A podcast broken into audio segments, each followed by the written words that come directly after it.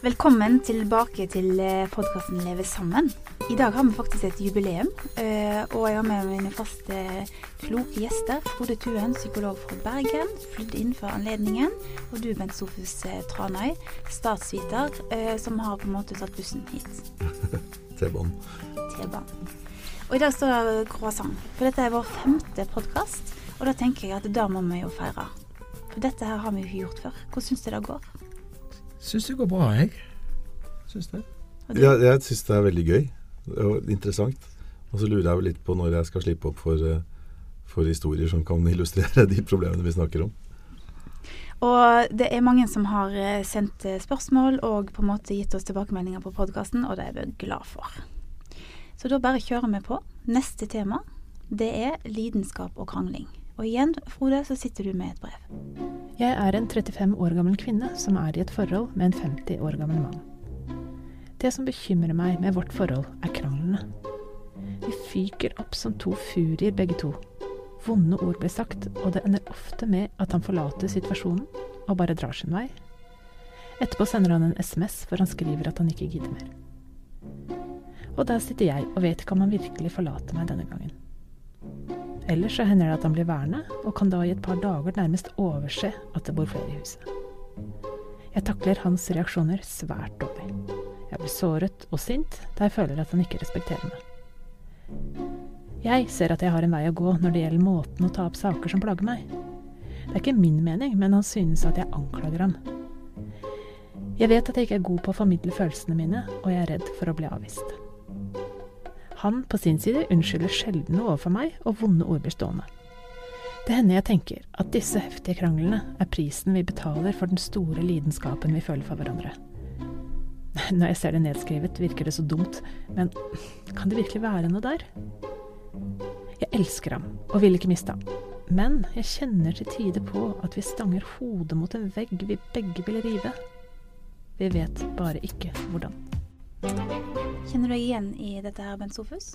Ja, altså det, det, forholdet jeg hadde i tankene, var et forhold som var veldig kjærlig og sterkt og godt og lidenskapelig, men som også hadde dette innslaget av, eh, av to hissige mennesker som eh, virkelig kunne, kunne, barke sammen for, eh, for, ting som kunne i neste omgang virke komisk hvis du liksom så Eller dumt, da, hvis du så tilbake på det.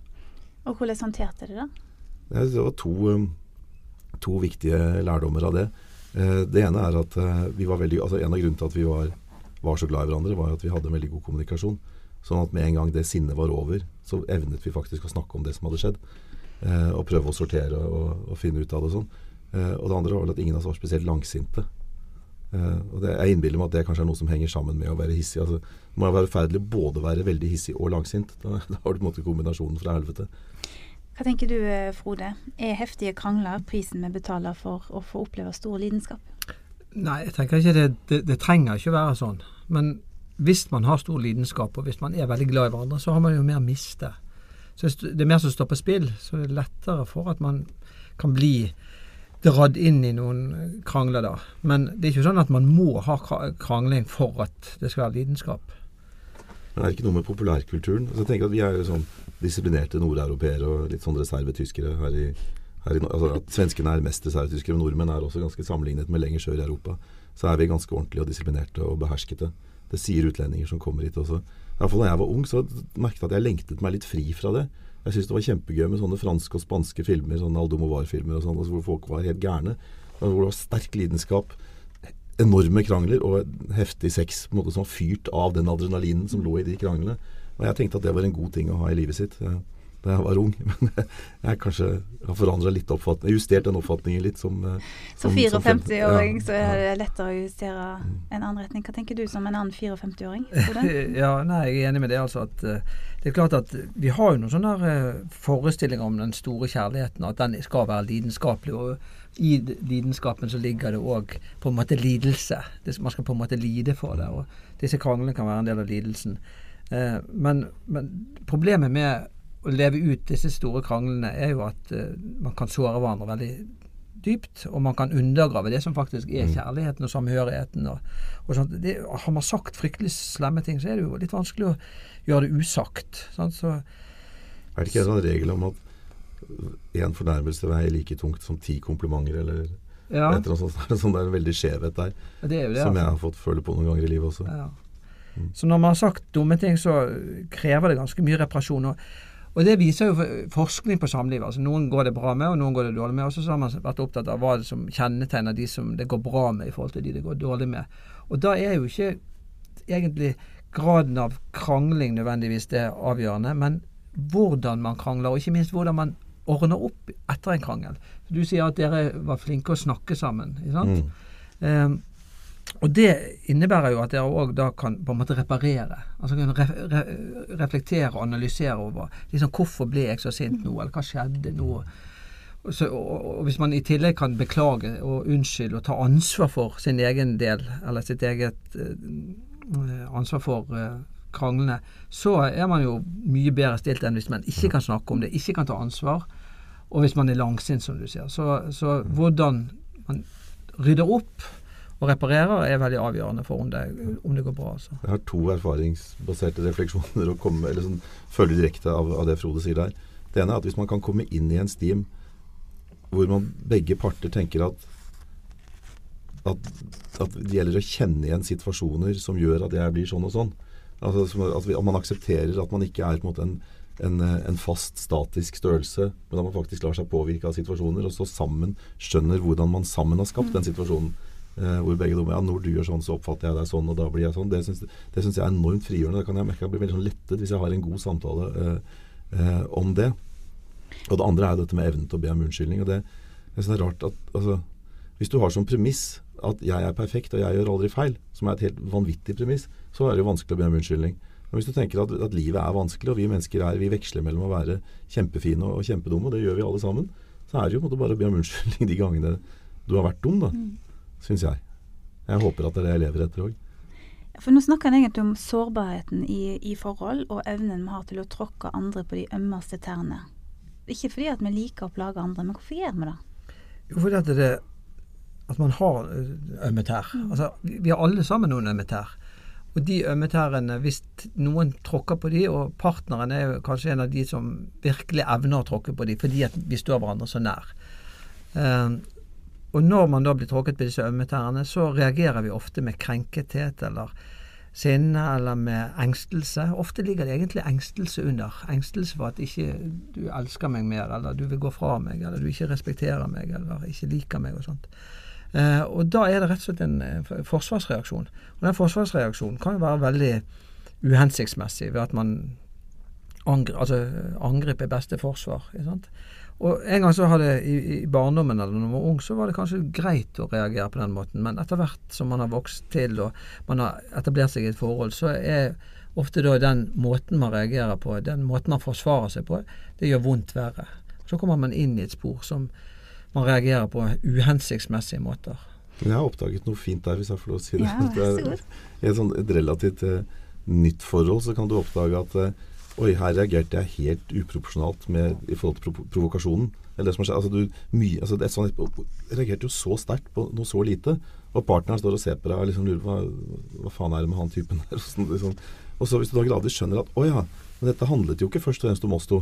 Det handlet om, en, eh, om en, noe såret her, et, et, et, nesten et blødende sår, som du, eller et sår du har revet skorpen av. Eh, og så kan du da i neste omgang liksom si at legge skyld på en tredjeperson. Dette har å gjøre med en tidlig, Særlig hvis det er en tidligere partner, da, så kan det være veldig sånn heldig eh, for dialogen, og, tenker jeg. Men i lengden så er det kanskje noe umodent ved å, å drive og legge skylda på en tredjepart. Men eh, det er iallfall et, et slags potensial der, tenker jeg, Frode. Ja, jeg er enig. Ja, og uansett så er det viktig å forklare partneren hvorfor man reagerer på en måte som ikke står i forhold til det som utløste episoden. Mm. Og igjen så krever det en sånn evne til å reflektere over det som skjer, og til å vende blikket innover. Liksom, hvorfor ble jeg så innmari sint og sur og lei meg nå? Du sier tidligere partnere. Altså, kan, i, i, I prinsippet kan man si at vi har tre ting som kan kilder som kan være til disse ømme tærne. Det ene er jo hvordan man vokste opp. Hvor mye nærhet og kjærlighet og omsorg man fikk fra sine foreldre og omgivelsene. Det andre er jo tidligere forhold. Altså man kan ha pådratt seg en sårbarhet gjennom å ha blitt sviktet av tidligere partnere, f.eks. Hvis en har vært utro mot oss eller forlatt oss, eller sånn, så kan det være noe blødende sår der som, som man kanskje aldri blir helt kvitt.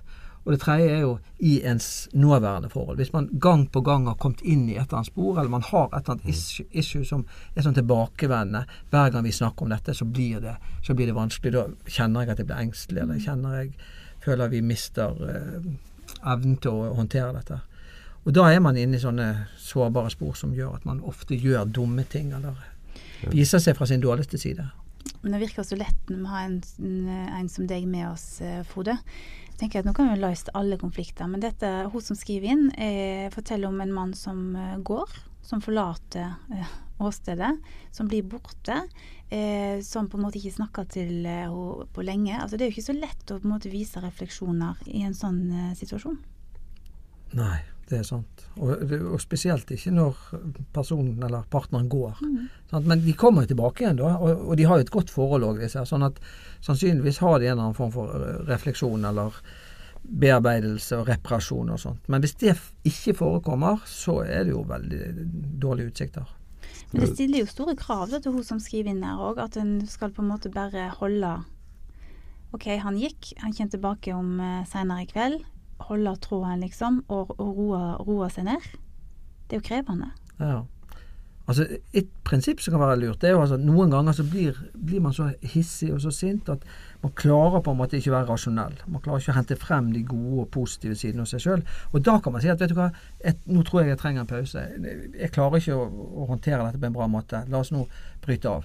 Og ha en slags timeout. Men det som da er viktig, er at den som på en måte ber om timeout, tar det opp i neste omgang. For ellers blir det bare en sånn flukt. En annen ting som er viktig i dette tilfellet, er jo ikke gjøre som mannen i dette tilfellet gjør. da, Å sende en SMS om at 'jeg orker ikke mer', eller 'jeg gidder ikke mer av dette', eller noe sånt. Så den, virkelig, den virkelig modne varianten er jo at du sier at 'nå kjenner jeg at jeg er så sint at det er ikke lurt å diskutere med meg'. Ja, Jeg kommer tilbake, ja. men jeg trenger å lufte meg. Men da, Det- men da må du komme tilbake igjen også. For Ja. ellers vil det i neste omgang bare bli oppfattet som en Ja. flukt. At nå gjør du det igjen, du trekker deg unna, og vi Mm. får aldri snakket ut om dette. her. Det er kanskje forskjellig varianter. Så jeg som jo har snakket om at jeg har slitt med temperamentet mitt, at jeg har blitt for sint noen ganger. Jeg har praktisert det der en gang eller to. Og jeg faktisk klart å Jeg skjønner ikke helt hvor jeg, hvor jeg tar det fra. Det er jeg ganske stolt av meg selv. Jeg er så, så flink at jeg sier, sier at jeg tar et skritt utafor meg selv. Sier at nå er jeg veldig dum. Jeg må bare ut fort og puste. Og så kan det kanskje gå en tur på en time eller noe sånt, så er jeg et helt annet menneske når jeg kommer tilbake. Og da er jeg i stand til å begynne på det reparasjonsarbeidet som, eh, som Frode snakker om er så viktig. Og Du har jo tidligere sendinger vist dere at du er veldig opptatt av ordet 'unnskyld'. Og Ja. at en kan begynne der, og da går jo garden ned òg Mm. hos eh, motparten.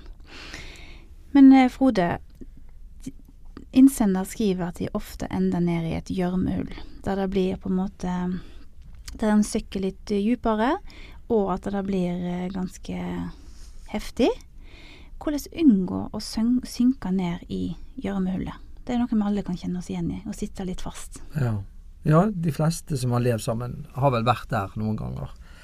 Eh, og da er det jo litt det som Bent sier, altså dette med å kunne sette seg utenfor situasjonen. Altså løfte seg ut av det før man For det er nesten som en sånn sklie. Når du først har begynt å kaste deg utenfor det, så kan det være veldig vanskelig å, å, å stoppe. Sant? Da tar det ene det andre, og man begynner å man begynner å bryte hverandre ned, eller spille hverandre dårlig.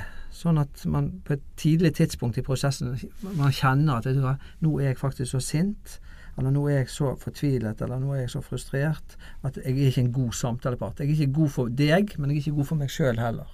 Jeg får ikke frem det bra i meg, og jeg får i hvert fall ikke frem det gode hos deg. Så det, det krever jo litt uh, selvinnsikt og selvdisiplin, da. Og det krever, sånn som du, Bent Sofus, sier, å klare å rette blikket mot den andre. Hvordan, hva effekt har jeg på den andre ved Mm. min uh, atferd akkurat nå? En, ja. Jeg lurte på en ting som disse to kanskje sliter med. Det var en tanke jeg gjorde meg. Det er det er 15 års aldersforskjell mellom dem. Mm. Min erfaring er at 15 år kan være nok til at, man, at det i seg selv er uh, Skal si det, ligger, det, det gjør at du får litt sånn forskjellige livsanskuelser, eh, som igjen kan gi konflikter. Eh, og konflikter som oppstår pga. Altså, det blir liksom en kulturkrasj, nærmest. Eh, og da er det kanskje lett for den som er eldst i et parforhold, hvilket de har erfaring med, å være litt sånn nedlatende og tenke at dette er umodenhet. Eller den yngre kan tenke Gud, herregud, du er så gammel. Du er helt sånn out of time. Dette er, du skjønner jo faktisk ingenting. Eh, litt, sånn- litt, uten å overdrive samlingen, litt som tenåringsbarn i forhold til, til de voksne og sånn. Så det er, eh, det er nok ting her å, å gripe fatt i. Så jeg vil oppfordre han mannen til å slutte å sende de tekstmeldingene når han går, i hvert fall. Og jeg vil oppfordre han å slutte å gå. Hva du uh, Frode vil oppfordre han til? Ja, jeg er enig med det. Slutte å gå. Men, men det aller viktigste er jo da å kunne reflektere og reparere etterpå. Så diskutere liksom hva skjedde, hvorfor kom vi så uh, ut å kjøre. Og så tenke at dette er noe vi kan lære av, istedenfor at vi er så glad i hverandre og vi har et sånt høyt lidenskap at vi må bare kjøre oss i det mm. gjørmehullet en gang i uken eller en gang i måneden. Sånn, sånn, bør det ikke være. Det trenger ikke være sånn. Nei, for det er ganske utmattende. Når en blir kjørt i det gjørmehullet gang på gang, så blir en til slutt uh, lei. Ja, til slutt så gjør man det. altså Man undergraver på en måte kjærligheten og fellesskapet. Men eh, som i de fleste samtalene vi har her, så liker vi å avslutte med et visst håp. Ja, jeg har et forslag. Ja.